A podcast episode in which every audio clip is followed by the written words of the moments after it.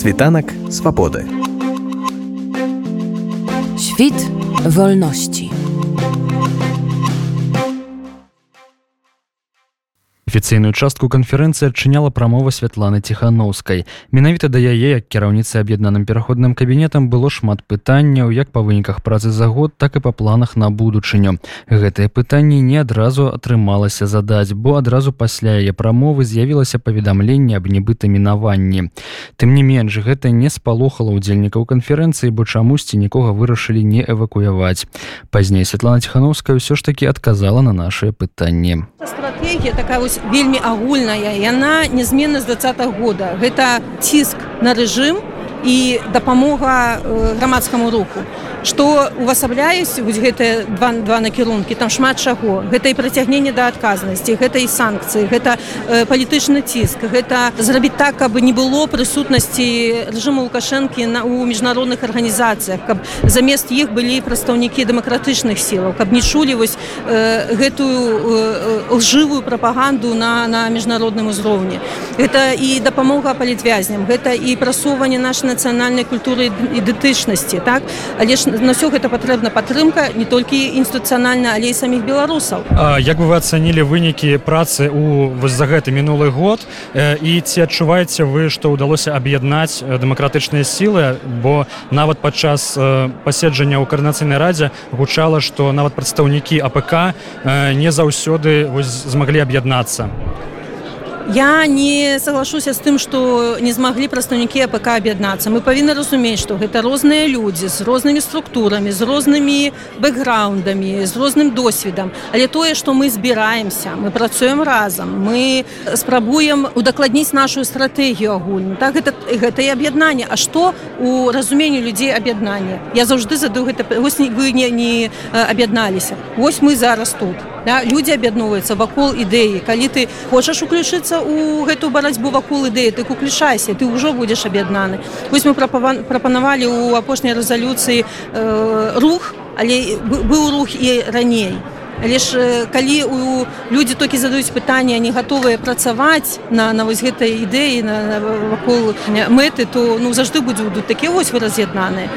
І шмат чаго зрабілі за апошні год і шмат чаго, канешне, не зрабілі мы дамагліся таго што беларусаў зараз не лічаць такімі ж як расіяне што рэжым лукашэнкі гэта гэта не беларусы і вось гэта так просто гучыць але ж за гэтым стаіць вельмі цяжкая праца. Нам вельмі шмат. Патрэбна было часу каб даказаць гэта ў кожнай краіне свае пасылы там прабачце калі ласка там хутчэй ішла гаворка не аб аб'яднанні вось фізічным а а синхронізацыі працы. Але тым не менш вы зараз закранули тэму вось адносінаў да беларусаў. Часта гучыць такое меркаванне што цікавасць захаду да беларусаў яна падае. Вось як вы адчуваеце а ці змяняецца цікавасць беларусаў да дзейнасці дэмакратычных сілаў і менавіта да вашага кабі я мяркую што ёсць у людзей расчараванасць бо усе мы і я ў тым ліку хацелі каб усё адбылося хутка. Не ўлічылі ўсе умовы не ўлічваем тое што недахоп людзей недахоп сродкаў на арганізацыю вось больш больш такой шчыльнай каардынацыі. Грае ролю тое што абмежавана выкарыстанне альтэрнатыўных медыяў беларусі што каб адшукаць інфармацыю гэта трэба шыфравацца. Ты не можаш адкрыта паўдзельнічаць у нейкіх дыскусіях нават у тэлеграм-каналах бо калі мы, все ведаем наступствы за гэта.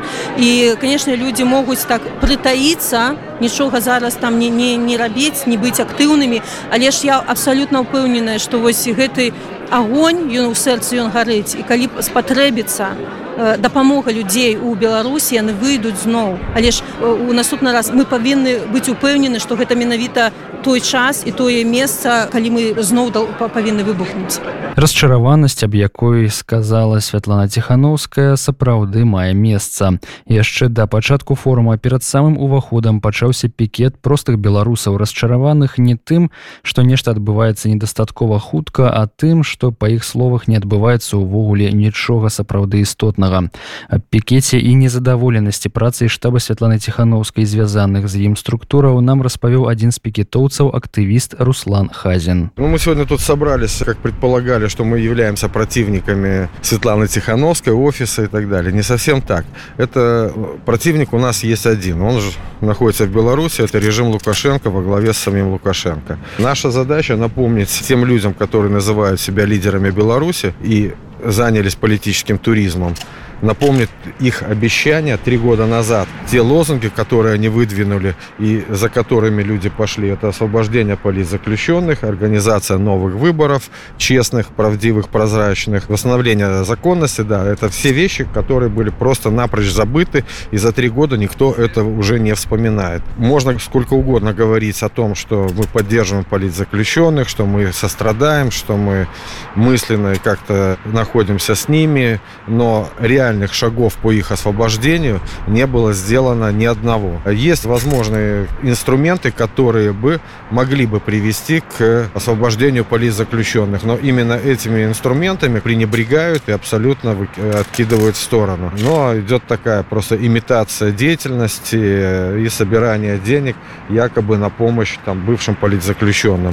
Люди уже выходят только лишь потому, что у них закончились сроки, а многие из них уже получают по второму второму сроку і ці вы былі запрошаныя на якія-небудзь слухані сустрэчы э, с прадстаўнікамі кабінета тихохановскай з тымі хто тут э, сёння сабраўся это просто громкое заявление что да были приглашены представители всех э, направлений течений движения оппозиционных демократических белорусских сил но на самом деле это просто имитация и ну наглая ложь я бы даже так сказал потому что кроме офиса тихохановской и каких-то групп, которые зависят от них либо финансово, либо еще каким-то образом, ну, скажем так, аффилированы. Все, кто что там действительно заявляет, реальные какие-то эффективные действия, которые можно было бы проводить именно и для освобождения политзаключенных, и для организации как раз выборов, и создания представительного органа белорусов в изгнании именно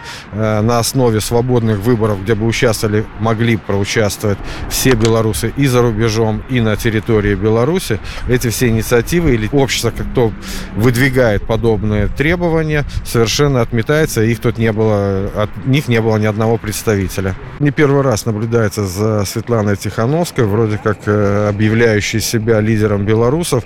Я это лично видел на некоторых и зарубежных встречах, где, казалось бы, присутствовало всего лишь несколько белорусов, и можно было бы даже подойти, поздороваться, встретиться и что-то обсудить, но белорусская супольность, я так смотрю, абсолютно э, игнорируется Светлана и скажем так, всем ее офисом. Даже сегодня вот она появилась э, на этой конференции, она зашла не с главного входа для того, чтобы, видимо, не встречаться и не смотреть на наш э, такой перформанс. Здесь у нас э, плакаты и фотографии политзаключенных, те, кто сидит, и до сих пор деятельность офиса не привела к их освобождению. А плакаты только лишь э, это вопросы к офису, к деятельности офиса, э, что было сделано за три года и о чем была договоренность, что происходило в кабинете Ермошина 10 августа 2020 года.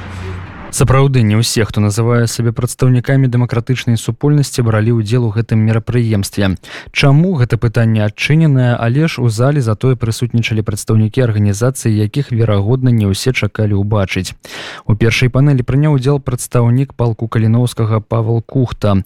Яшчэ не так даўно полк абмяжоўваў кантакты са структурамі звязанымі са святланай ціхановскай але апошнім часам назіраецца прагрэс ва ўзаемаадносінах. Тым не менш на суботняе закрыта закрытае паседжанне на якое па словах прадстаўніка каардынацыйнай рады валера мацкевіча былі запрошаныя амаль усе асноўныя палітычныя суб'екты полк каліноўскага запрошаны не быў.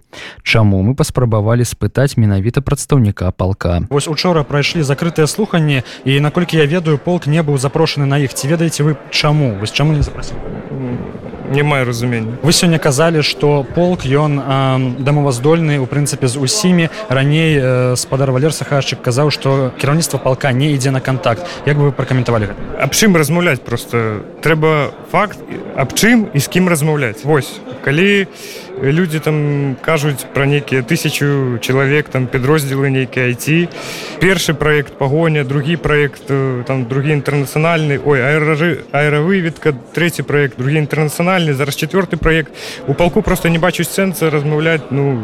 Ну, але тым не менш вы сёння казалі што полк ідзе на кантакт з усімі. Так ну э, згоден вось гэта канферэнцыя якая будзе у Кіеве. Туды запрашаюцца абсалютна ўсе выказаць усе свае меркаванні і расставіць кропкі над іх. Хто чым хто якую стратэгію падтрымлівае хто падтрымлівае стратэгію палка каліновскага вызвалення беларусі вяртання на радзіму а каму цікава захаваць сваю нейкую структуру і падтрымліваць гэтую структуру яшчэ не незразумела колькі год. Вось калі ён застанецца ў АПК і ён прапануе вось аб чым паразмаўляць полк будзе гатовы з ім пайсці на кантакт? Глядзіце пытанне ў тым мабыць не ў змене прозвищ у кабінеце. Гэта крызы сістэмны ён везде. То есть гэта просто падыход і стратэгія структураў якія там хочуць дамаўляцца пра свае асабістыя нейкія знаёмства в беларусі. Гэта не падыход вызвалення. То есть і калі мы кажам то что мы павінны чуць беларусаў у беларусі ні адзін беларус у беларусі гэта не падтрымае. Так шэраг спрэчных заяваў прагучаў ад прадстаўніка палка падчас першай панелі дарэчы на ёй прысутнічаў і спадар валер сахашчык які са свайго боку патлумачыў нам сваё бачанне сітуацыі з кантактамі з палком а таксама падзяліўся ўражаннямі ад слуханняў коаардынацыйнай радай я совершенно спокойно рассказал о своей работе ответил на вопросы и ну, каких-то особых эмоций не было распавядзіце калі ласка вось э, падчас слухання вы казалі што полк не ідзе вось менавіта з вами на контакт сёння прадстаўнік палку сказаў што яны гатовы ісці з усімі на контакт і нават у каментары са мной ён сказаў што яны не бачаць сэнсу бо іх не задавальняюць тыя ініцыятывы якія пачынаюцца і справа не ў вас персанальна а толькі у той структуры якая была пабудаваная як вы я попросил у павла поговорить один на один здесь в перерыве мне очень хотелось бы задать ему эти вопросы потому что я многократно неоднократно обращался с различными предложениями, инициативами. Э, у меня хороший контакт с их воюющими подразделениями, но со штабом как-то не складывается, ну совершенно точно не по моей вине. Тым не менш адзначым што пасля панельнай дыскусіі прадстаўнікам палка і пераходнага кабінета ўсё ж такі ўдалося сустрэцца і абмеркаваць спрэчныя пытанні спадзяемся што спадар валер сахашчык зможа без перашкодаў прыняць удзел у анансаваным форуме які арганізуе полк імя кастуся каліновскага яшчэ адным даволі спрэчным пытанням быў працяг мандата александра азарова ў кабінеце. Аб прынятым каардынацыйнай рады рашэння нам паведаміў яе спікер Андрей ягораў. Па спадару азарову я не набраў дастатковая колькасць галасоў каардынацыйнай рады для таго каб каардынацыйная рада магла яго ўзгадніць. Таму як бы яго кандыдатура не ўзгодненая каардынацыйнай рады спадар азараў таксама пракаментаваў гэтае рашэнне. Ён не збіраецца спыняць сваю працу нягледзячы на займаемую ці не займаемую ім пасаду. А так р ужо публікаваў вынікі згодна з якім яны не сагласуюць маю кандыдатуру у кабінеце. А, ну мы надалей будзем працаваць по плану перамога. Гэты план належыць байпол. Ён быў створаны супрацоўнікамі супрацоўнікамі байпол а я прыйшоў кабінет з гэтым планам ад байпол. Ну і таксама калі патрэбна будзе сыду разам з гэтым планам вось гэта наша асноўная мэта вяртання беларусі законнасці правапарадак мы будзем таксама працаваць у межах гэтага плана з беларускімі актывістамі у сярэдзіне краіне цяпер мы бачым это самым найважнейшым спадар азараў таксама заявіў нам што ўсе астатнія сябры апк яго падтрымліваюць дарэчы як ужо казалось раней Святлана ціхановская прыняла неадназначнае рашэнне по азараву дарэчы былі іншыя прызначэнні была прызначаная дарацца па моладзевай палітыкі а таксама прадстаўнік у киеве геннадь манько ну значит я работал уже у меня как бы с марта с конца марта прошлого года я находился в украине я был до этого сотрудником офиса Светланы Тихановской. Должность моя называлась координатор по работе с добровольцами в Украине. То есть моя задача была понять их там чаяния, нужды какие, там требования, желания, помощь занимались в основном помощью автомобили, вещи, там, то, что могли каким образом это добить. Плюс э, ну, наша задача была выстроить отношения, которые, потому что мы понимаем, что в свете вот этих событий после того, после 24 февраля, когда произошли события в Украине, мы понимали четко, что есть такая возможность, э, когда политическая сила может э, соединиться как раз вот с силовым сектором, э, нашими белорусскими добровольцами, которые в Украине. Поэтому задача была найти контакты, найти понимание и плавно, постепенно, учитывая, что все-таки люди сложные, по-разному относятся, ну, люди абсолютно разные, с разным таким и политическим, и жизненным бэкграундом.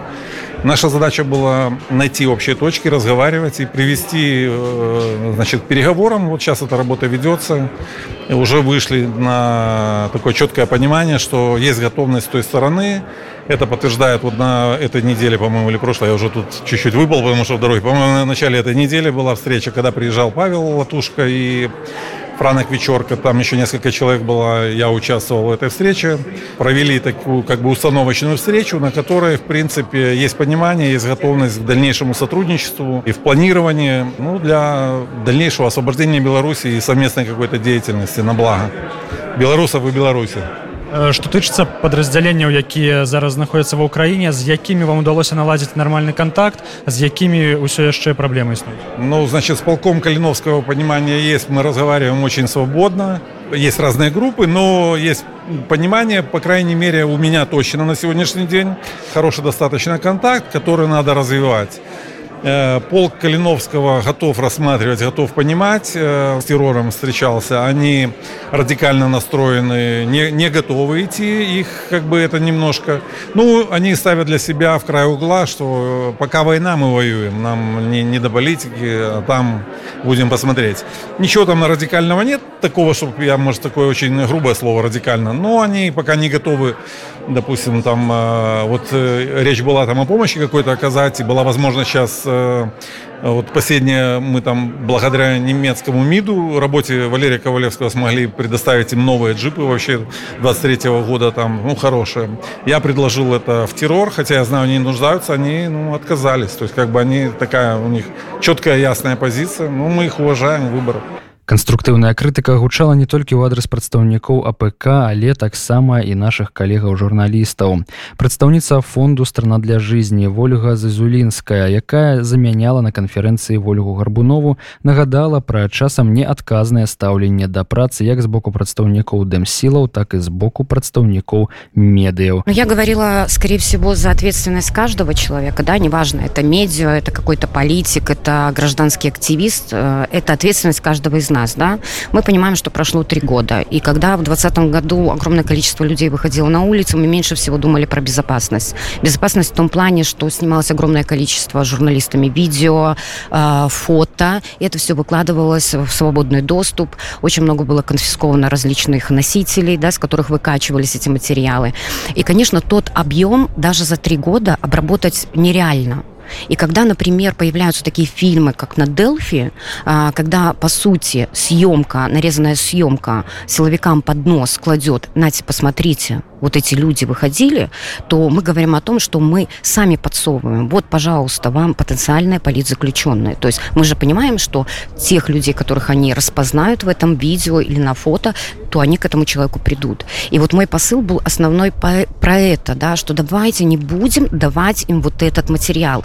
Возможно, они его обработают через полгода, через год, через полтора, но мы ему приносим готовы и фокусируем их внимание именно на этом материале. Вот этого делать категорически нельзя.